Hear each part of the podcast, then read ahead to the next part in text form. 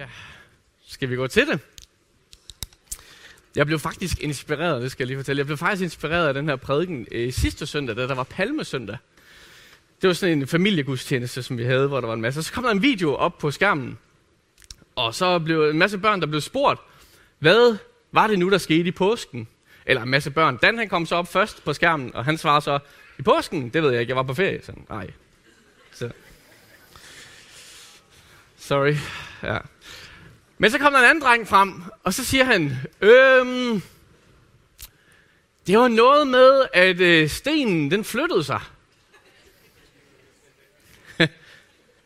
ja, Heidi, det var Heidi, der ledte op Søn, han har fået noget rigtigt der. Og det bliver faktisk inspireret af det her med, at stenen der flyttede sig. Så jeg har taget en grav med i dag. Her. Og øh, det er bare kopper, selvom det er hvidt. Det er ikke en engel, der er herinde. Bare lige så vi lige. Og det kommer vi tilbage til. Men øh, vi går ind i øh, prædiken her, og jeg har valgt at kalde den Stenen, der flyttede sig. Og så skal vi læse ud fra Matteus evangeliet kapitel 27. Et lidt langt stykke her, men jeg har taget det med på skrift, så kan I prøve at følge med her, hvad der sker. Vi kommer nemlig lige ind, hvor Jesus han er lige død på korset. Det var det, der skete i fredags. Og øh, så sker der så det her. Men da det blev aften, kom der en rig mand fra Ar- Arimathea, der hed Josef, som også var blevet en disciple af Jesus. Han gik til Pilatus og bad om at få Jesu, og bad om at få Jesu læme, og Pilatus befalede, at det skulle udleveres. Så tog Josef Jesu læme og svøbte det ind i et rent lagen, og lagde det i den nye grav som han havde lavet hugge ud i klippen til sig selv. Og han væltede en stor sten for indgangen til graven og gik. Men Maria Magdalene og den anden Maria var der og sad over for graven. Næste dag, dagen efter forberedelsesdagen, gik ypperstepræsterne og fejserne sammen til Pilatus og sagde, Herre, vi kom i tanken om, at denne bedrager, mens han endnu var i live, sagde, efter tre dage opstår jeg. Befal derfor, at graven skal bevogtes, indtil tredje dagen, for at ikke hans disciple skal komme og stjæle ham og sige til folket, han er opstået fra de døde. Så kommer vi så hen her. Næsten. Og for så bliver det den, det sidste bedrageri værre end det første. Pilatus sagde til dem, her har I vagtmandskab, så gå hen og sørg for, at der bliver holdt vagt, så godt I kan. De gik så hen og sikrede graven med vagter og ved at sætte sejl på stenen. Det er det så næste dag. Efter sabbaten, da det gyde af den første dag i ugen, kom Maria Magdalene og den anden Maria for at se til graven. Og se, der kom et kraftigt jordskælv, for Herrens engel steg ned fra himlen og trådte hen og... Tak, Tejt. Dejligt, du er med her. Og væltede stenen fra og satte sig på den. Hans udseende var som lynild, og hans klæder hvide som sne. De, der holdt vagt, skælvede af frygt for ham og blev som døde. Men englen sagde til kvinderne, frygt ikke. Jeg ved, at I søger efter Jesus, den korsfæstede. Han er ikke her. Han er. Halleluja, som man siger. Som han har sagt. Kom og se stedet, hvor han lå. Og skynd jer hen og sig til hans disciple, at han er opstået fra de døde. Og se, han går i forvejen for jer til Galilea. Der skal I se ham. Nu har jeg sagt ja det. Og de skyndte sig bort fra graven med frygt og stor glæde, og løb hen for at fortælle hans disciplerne det. Og se, Jesus kom dem i møde og hilste dem med et godmorgen.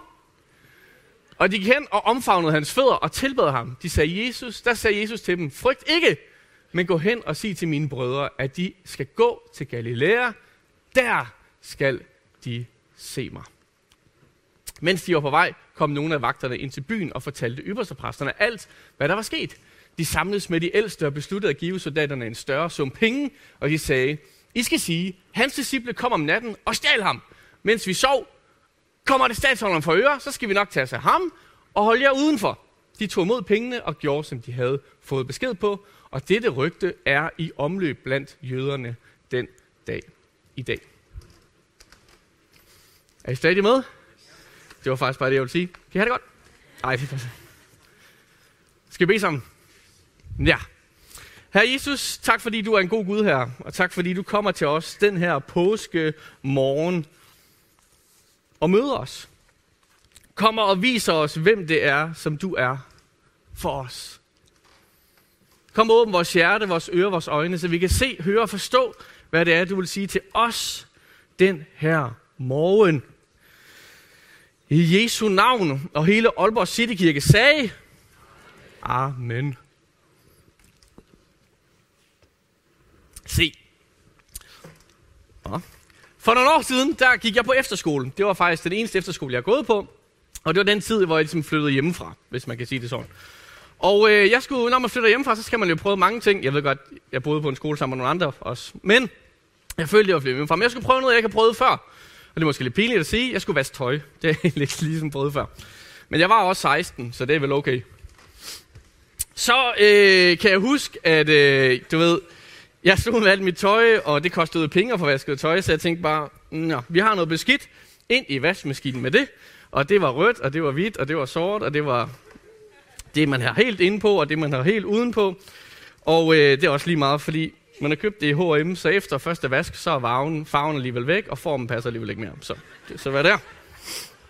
Men det kommer ind der, og øh, jeg sætter det så i gang og kører det, og så over i tørtumleren bagefter. Og så får jeg det ud. Og jeg tænker, sådan, det kan jeg da godt gøre resten af mit liv.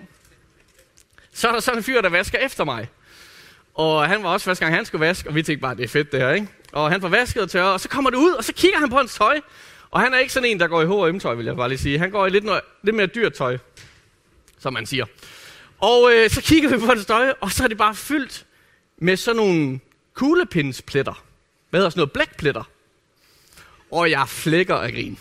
Og jeg tænker bare, nej, hvor er du dum. Kan du ikke engang finde ud af at vaske tøj? Og der var bare, at du altid tøj, han tog op, det var bare prikker, prikker, prikker, prikker, prikker. Og han, han kunne godt se, han så lige med lommeregnen og tænkte, det bliver godt nok dyrt det her. Og du ved, vi var næsten, jeg kunne næsten lige være færdig med at grine, og så finder han kuglepinden, der har lagt derinde.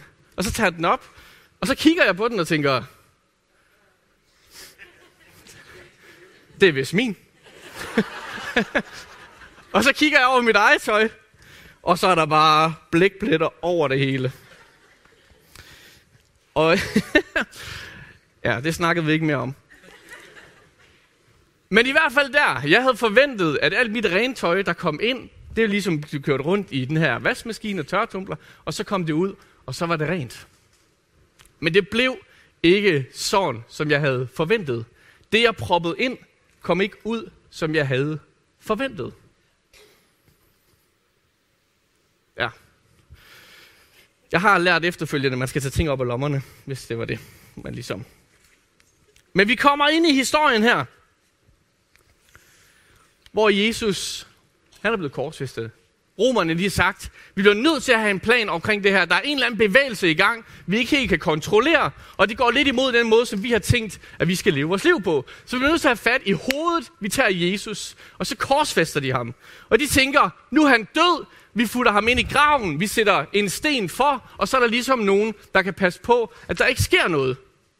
De putter noget ind i graven. De putter Jesus ind. De tager en sten og tænker, så er det færdigt, så er det slut, og så er der ikke mere. Okay, det have været vildt fedt, hvis det hele blev sort, men det gjorde det ikke. Og så tænkte de, vi vandt. Vi klarede det. Vi gjorde det. Vi fik styr på det. Men det, som de måske slet ikke havde regnet med eller tænkt over, det er, at herinde er der begyndt en bevægelse. En urørlig, ustoppelig, ukontrollerbar, meget større bevægelse, end de egentlig troede, der var muligt. For langt fredag, den slutter med stenen, der blev sat for. Opstandelsen, påskemorgen, den starter med, at stenen kommer væk. Åh. Oh. Se, det havde I ikke forventet. Ej, jeg, var, jeg var næsten med tårer og sådan noget, og så... At stenen, den kom væk. Sådan der, tak. Ej, det var godt nok lyset, jeg bad om, men det er så også okay. Den selv samme sten, der var tegnet symbolet på, at nu er det slut. Jesus er død. Håbet er væk. Ham vi troede skulle det hele befri os, og så videre, og så videre. Det blev selv samme symbol på, at nu er der en ny tid. Der er en, der har vundet. Der er noget her, som er startet, som vi ikke kan stoppe, og som forandrer den verden, vi lever i, og stadigvæk gør det. Men det var en mand, der stod op for de døde. Hvad er det egentlig, der gør det så specielt? Nu ved jeg godt, det er ikke fordi, det sker sådan til hverdag. Men læser vi i Bibelen og går et par uger mere tilbage, så finder vi faktisk en anden historie med en anden mand, som også stod op for de døde, så hed Lazarus. Og det var da Jesus, der kom og sagde, Lazarus, nu skal du bare komme herud. Og så kom han ud, sådan hoppende i hans ligeklæder. Men han var da også stået op. Hvad er det så, der er så specielt ved den her opstandelse? Hvad er det, der gør, at lige netop det ændrer hele den verden, vi lever i? Dan lige før i hans indsamlingstale, han læste et, et øh, bibelvers op. Det står sådan her, Johannes 3:16. For således elskede Gud verden, at han gav sin enborne søn, for enhver, som tror på ham, ikke skal fortabes, men have evigt liv.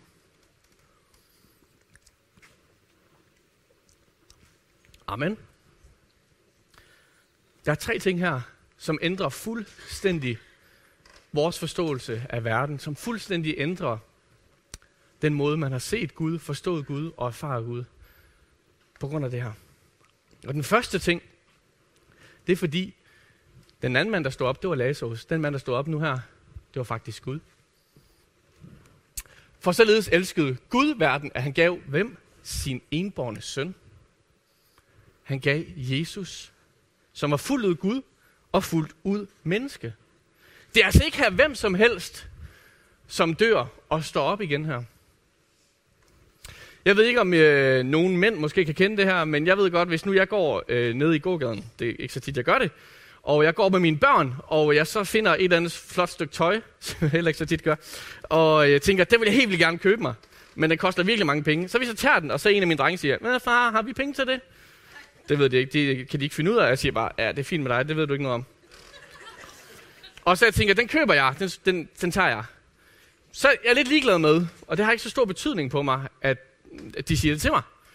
Men det er klart, stod min kone ved siden af og sagde, Simon, og hun skal bare kigge på mig.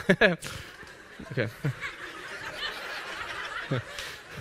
Så ved jeg udmærket godt, at jeg først skal give nogle blomster, før jeg kan gå over og købe den. Ej. Det har kæmpe betydning her, at det er Gud selv, som dør. Det har kæmpe betydning, fordi det her er altså ikke bare have hvem som helst. Han beskriver sig selv som alfa og omega, som begyndelsen og enden. Det er faktisk ham, som har skabt den her verden, vi bor på. Det er ikke her vel som helst. Det er nemlig Gud selv, som gik i døden. Og hvorfor gjorde han så det? Det gjorde han, fordi han elskede. For således elskede Gud verden. Således elskede Gud verden. Han er ikke ligeglad. Han har skabt verden, og han er ikke bare sådan en Gud, som så siger, held og lykke med jeres liv, og så må vi se, nej, det, var ikke, det gik ikke så godt. Han elskede verden. Han ønskede fællesskab med os. Han sagde, hvordan i alverden kan jeg komme tilbage og blive det, som jeg er tiltænkt ind i den her verden? Hvordan kan jeg komme tilbage og egentlig fortælle alle mennesker, hvilken vej der er vigtig, hvilken vej der er rigtigt, hvilket forhold til mig, der er rigtigt at have?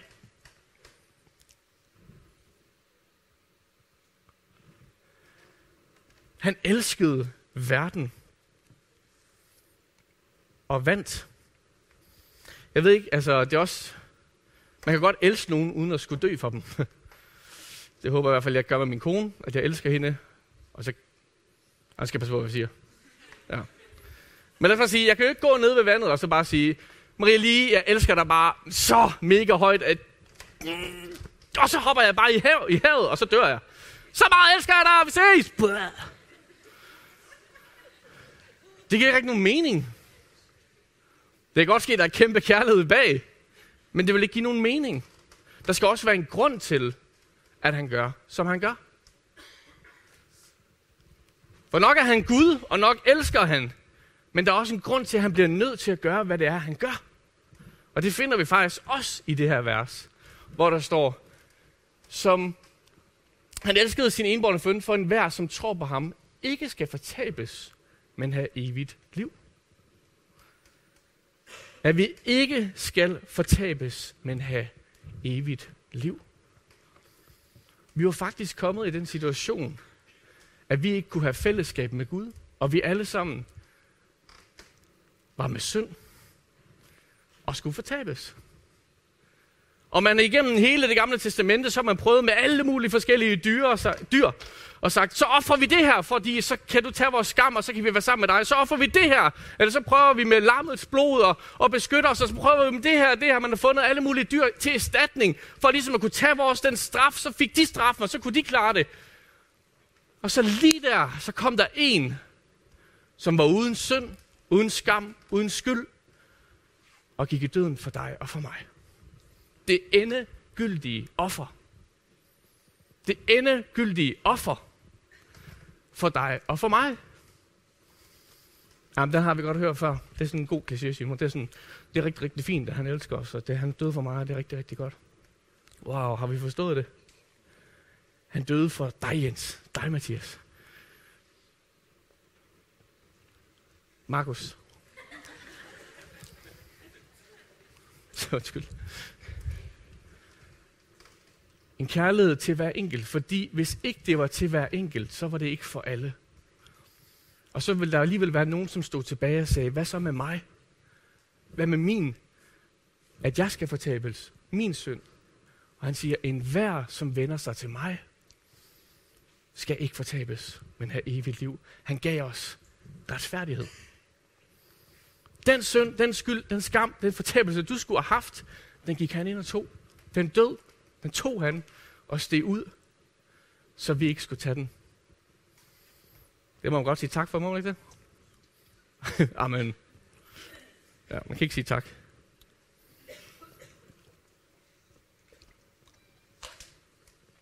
De prøvede at sige, nu er det slut, nu er det færdigt, nu er stenen for, nu kan der ikke komme mere, nu er historien er slut, så bliver det bare ved med at være med vores menneskehed, sådan her bliver det bare.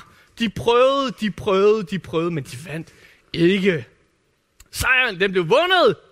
Amen. At Jesus, som stod op på tredje dag, sagde, chok I, så troede I lige, så vandt vi. Og så kom jeg tilbage her, og så var jeg lige at sige, nu er det slut, nu har jeg vundet. Nu er det ikke sådan en boksekamp, hvor Jesus slår på den ene side og siger, så må vi se, om vi kan klare det. Og, og de underkampe står på den anden side. Ja, nu må vi se. Og vi kæmper frem og tilbage. Han sagde, puff, slut, færdig, ind i graven, ikke mere. For dig og for mig. Det er stort. Det er kæmpe stort. Det, man troede kom i graven, kom der pludselig noget andet ud. Jens, må jeg ikke lige låne dig herop? Må jeg låne... Øh... Mathias. Jens har slået sig, så han tør ikke.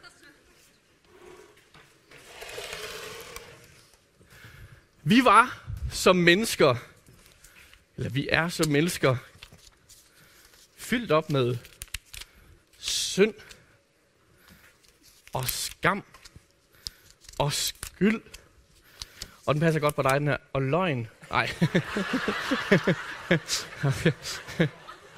og bedrag. Og falskhed. Og videre, og så videre, og så videre, og så videre. Men fordi Jesus gik ind i graven, så tog han alt det med sig derind. Så han tog, nu tager jeg lige dem her ud, tager lige gravene. Så sagde han, Mathias, den skam, den løgn, den skyld, den synd, den falskhed, den bedrager alle de andre ting, som er på der, som slet ikke fungerer. Det ligger hernede i. Skal vi se. Det ligger hernede i.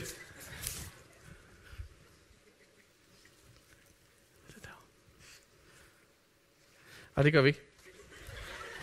Vi lægger den herovre i.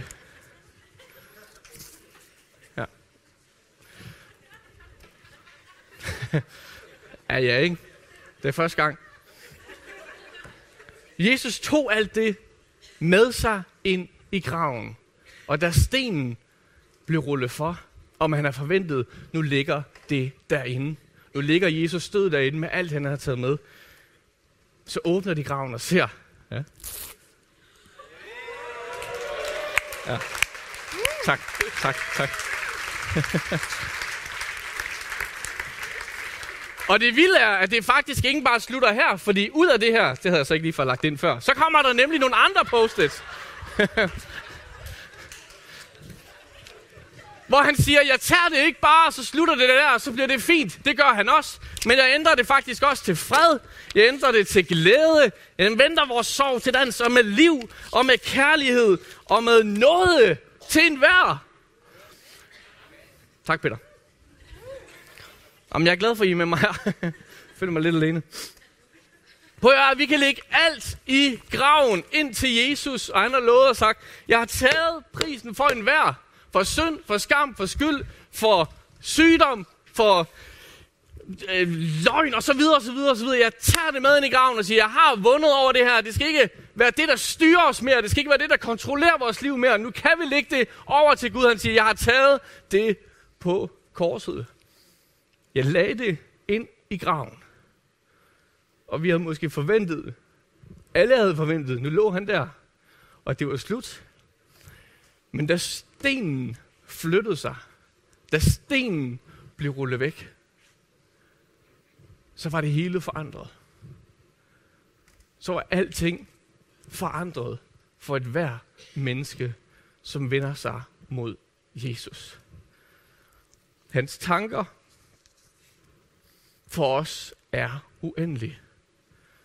Det står sådan her i Esajas 53, for det var vores sygdomme, han tog. Det var vores lidelser, han bar. Og vi regnede ham for en, der var ramt, slået og pladet af Gud. Men han blev gennemboret for vores overtrædelser og knust for vores synder. Han blev straffet for, at vi kunne få fred. Ved hans sår blev vi helbredt. Amen. Se, det er en påske, der er værd at fejre. Se, det er en påske, der er værd at stå op til. Men som sådan en rigtig typisk menneske, som vi er, eller som andre kan være, eller som de her gravvagter, der prøvede at bestikke, de siger, I skal sige, hans disciple kom om natten og stjal ham, mens vi sov. Han mennesker prøver at sige, nej, det er slet ikke det, der skete. Det, kan, det, er faktisk, det, det er for godt til at være sandt, det som faktisk er der. Det hænger slet ikke i, i tråd. Nej, det I skal sige, det er, at det skete slet ikke. Og det hele kører bare på samme måde, som det var før. Og jeg tror egentlig, vi så tit så kan opleve, måske også for andre mennesker, eller måske for en selv, at vi måske går tilbage i, i den her... Ja, de er her stadig og så måske begynder at tage det ud af graven igen, selvom vi havde lagt det ind og så sige, at jeg er stadig syndig, at jeg er stadig fyldt med skyld, at jeg er stadig fyldt med skam og med løgn, og det her, som er her, det, det er for godt til at være sandt. Det kan ikke bare blive byttet til noget bedre. Nej, den, som jeg er, det må stadigvæk være den, som jeg er. Og, og hvis Jesus har gjort det der, det, det kan jeg slet ikke forstå i mit liv. Det giver ikke mening. Kan I følge, hvad jeg siger? At vi prøver, måske ligesom gravvagten, eller måske høre fra andre. Det kan ikke passe. Det er løgn. Det er ikke for dig. For det, som du har gjort, det var sådan og sådan. Det, som du har sagt, det er sådan og sådan. Det, du går rundt med i dit liv, det vil han ikke bryde sig om. Men det er en løgn.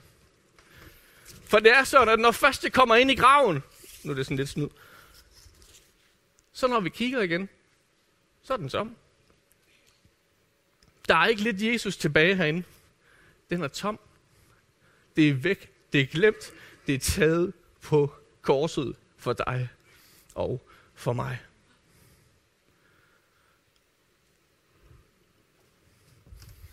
Det er vel gode nyheder, er det ikke det?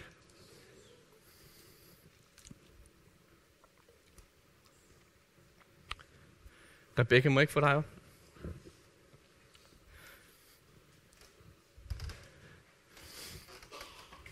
Vi læser sådan her i Hebræerne 6, 17-20, så står der sådan her. Da Gud med al tydelighed ville vise arvingerne til hans løfte, hvor urokkelig hans vilje er, så indstod han for det med sin ed. Dermed skulle vi i disse to urokkelige kendskærninger, som udelukker, at Gud lyver, have en sikker trøst. Vi som har taget vores tilflugt til at gribe det håb, som ligger foran os. Det håb er som et anker for sjælen. Det er urokkeligt og sikkert og rækker ind bag forhænget, hvor Jesus gik ind som en forløber for os, i det han blev ypperste præst for evigt på Melchizedeks vis. Det her, det betyder, at det, som Jesus han har gjort, det står ved. Det, som Jesus han gjorde på korset, da han gik ned i graven og stod op igen, det er en kendskærning. Det står ved. Og at vi kan komme, sådan som vi er, ind for en Gud, og vende os til Gud og sige, Gud, vær mig synder nådig. Og i det øjeblik, så ændrer det sig. Så ændrer det sig. Så siger Jesus, velkommen til, mit barn. Og det er håb. Den tro, vi kan have på det. Det er ikke sådan et eller andet håb, som, Jamen, nu går det godt i dag, og så, så nu er jeg en rigtig god kristen, og så er det rigtig, rigtig fint, og, og, og så kan Jesus også lide mig, og så kører det bare derud af. Eller, nej, nu har jeg virkelig en dårlig dag, og jeg synes bare slet ikke, der er noget, der spiller, og han kan nok ikke lide mig i dag. Som vi sådan har sådan et eller andet ræb, der kommer ned, som vi skal klamre os til at sige, det er vores håb. Og uanset hvordan det går, så holder vi fast i det her, og en gang imellem så smutter det måske, og vi tænker, åh, hvad gør vi? Men siger, nej, det håb, det er som et anker i os. At vi kan næsten ikke komme længere væk, fordi det holder fast i os og siger, det er fuldbragt. Det er fuldbragt. Jesus døde, for at du og jeg kunne få fred. For at du og jeg kunne få relation til ham igen. Ikke kun på gode dage, ikke kun på dårlige dage, men i al evighed. Og det betyder også i dag for dig og for mig. Og hvor er jeg taknemmelig til den Gud, som elsker os så højt, at vi ikke selv skal tage en straf, men han vælger at tage straffen for os.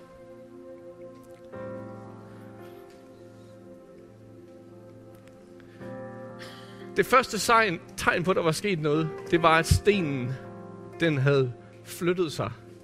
Der var noget, som ikke var, som det plejer. Den sten skulle betyde død, men det blev faktisk et symbol på liv og på sejr. Som ikke kun var vundet af Gud, men faktisk vundet til os. For at vi kunne være sammen med ham.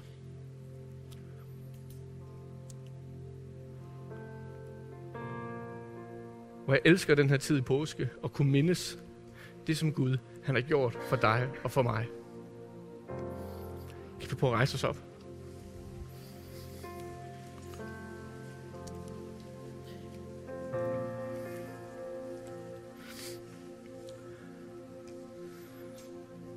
Der hvor vi står, kan vi prøve at lukke vores øjne.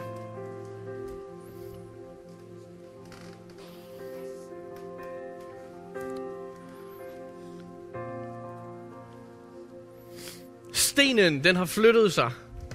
Der er nu en ny tid. Og jeg ved ikke, hvorhen du er i dag, og hvad du øh, kom, hvor du kommer fra, eller hvad du har med i din bagage, men jeg har bare lyst til at sige, det budskab, som lyder sådan en påske morgen, det er også for dig. Det er også til dig. I den situation, du står i, uanset hvad det er, så er Gud der lige præcis sammen med dig. Om lidt så har jeg lyst til, og hvis du står her, aldrig nogensinde måske har inviteret Gud ind i dit liv, så har jeg lyst til at give en mulighed for det her. Og så tror jeg, at du får lov at opleve, først det er, der sker noget i dit liv. Jeg vil næsten sige, det er stenen, der har flyttet sig. Der er sket noget i dit liv. Og der bliver du bevidst om, der er faktisk noget her, som har forandret sig. Gud er kommet ind i mit liv. Og jeg siger bare, det er starten på et nyt liv sammen med Jesus. Ikke et let liv, men et nyt liv sammen med ham. Hvor han vil være med og vise dig den vej, han har for dig. Så hvis du står her lige nu, lukker vi lige vores øjne, har jeg bare lyst til at sige, har du lyst til at tage imod Jesus i dag?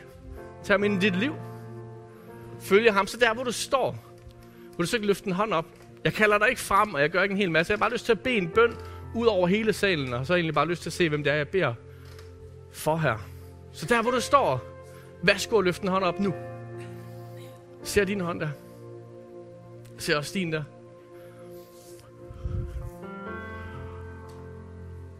Er der flere? Bare løft en hånd op frimodigt.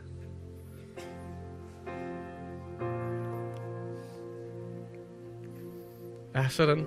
Fedt. For så gør vi det på den her måde nu, at jeg beder en bøn, og så er man velkommen til at gentage den efter mig her. Og så kan man bede den med sit hjerte eller med sin mund, men det forandrer noget i dit hjerte. Lad os bede sammen sådan her. Herre Jesus Kristus, kom ind i mit liv. Vis dig for mig her. Jeg vender mig mod dig, som den synder jeg er, og beder dig tage imod mig. Flyt stenen fra mit hjerte. Du er en god Gud, og du er min far.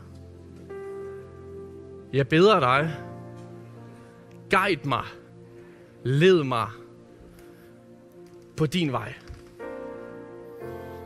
I Jesu navn. Amen.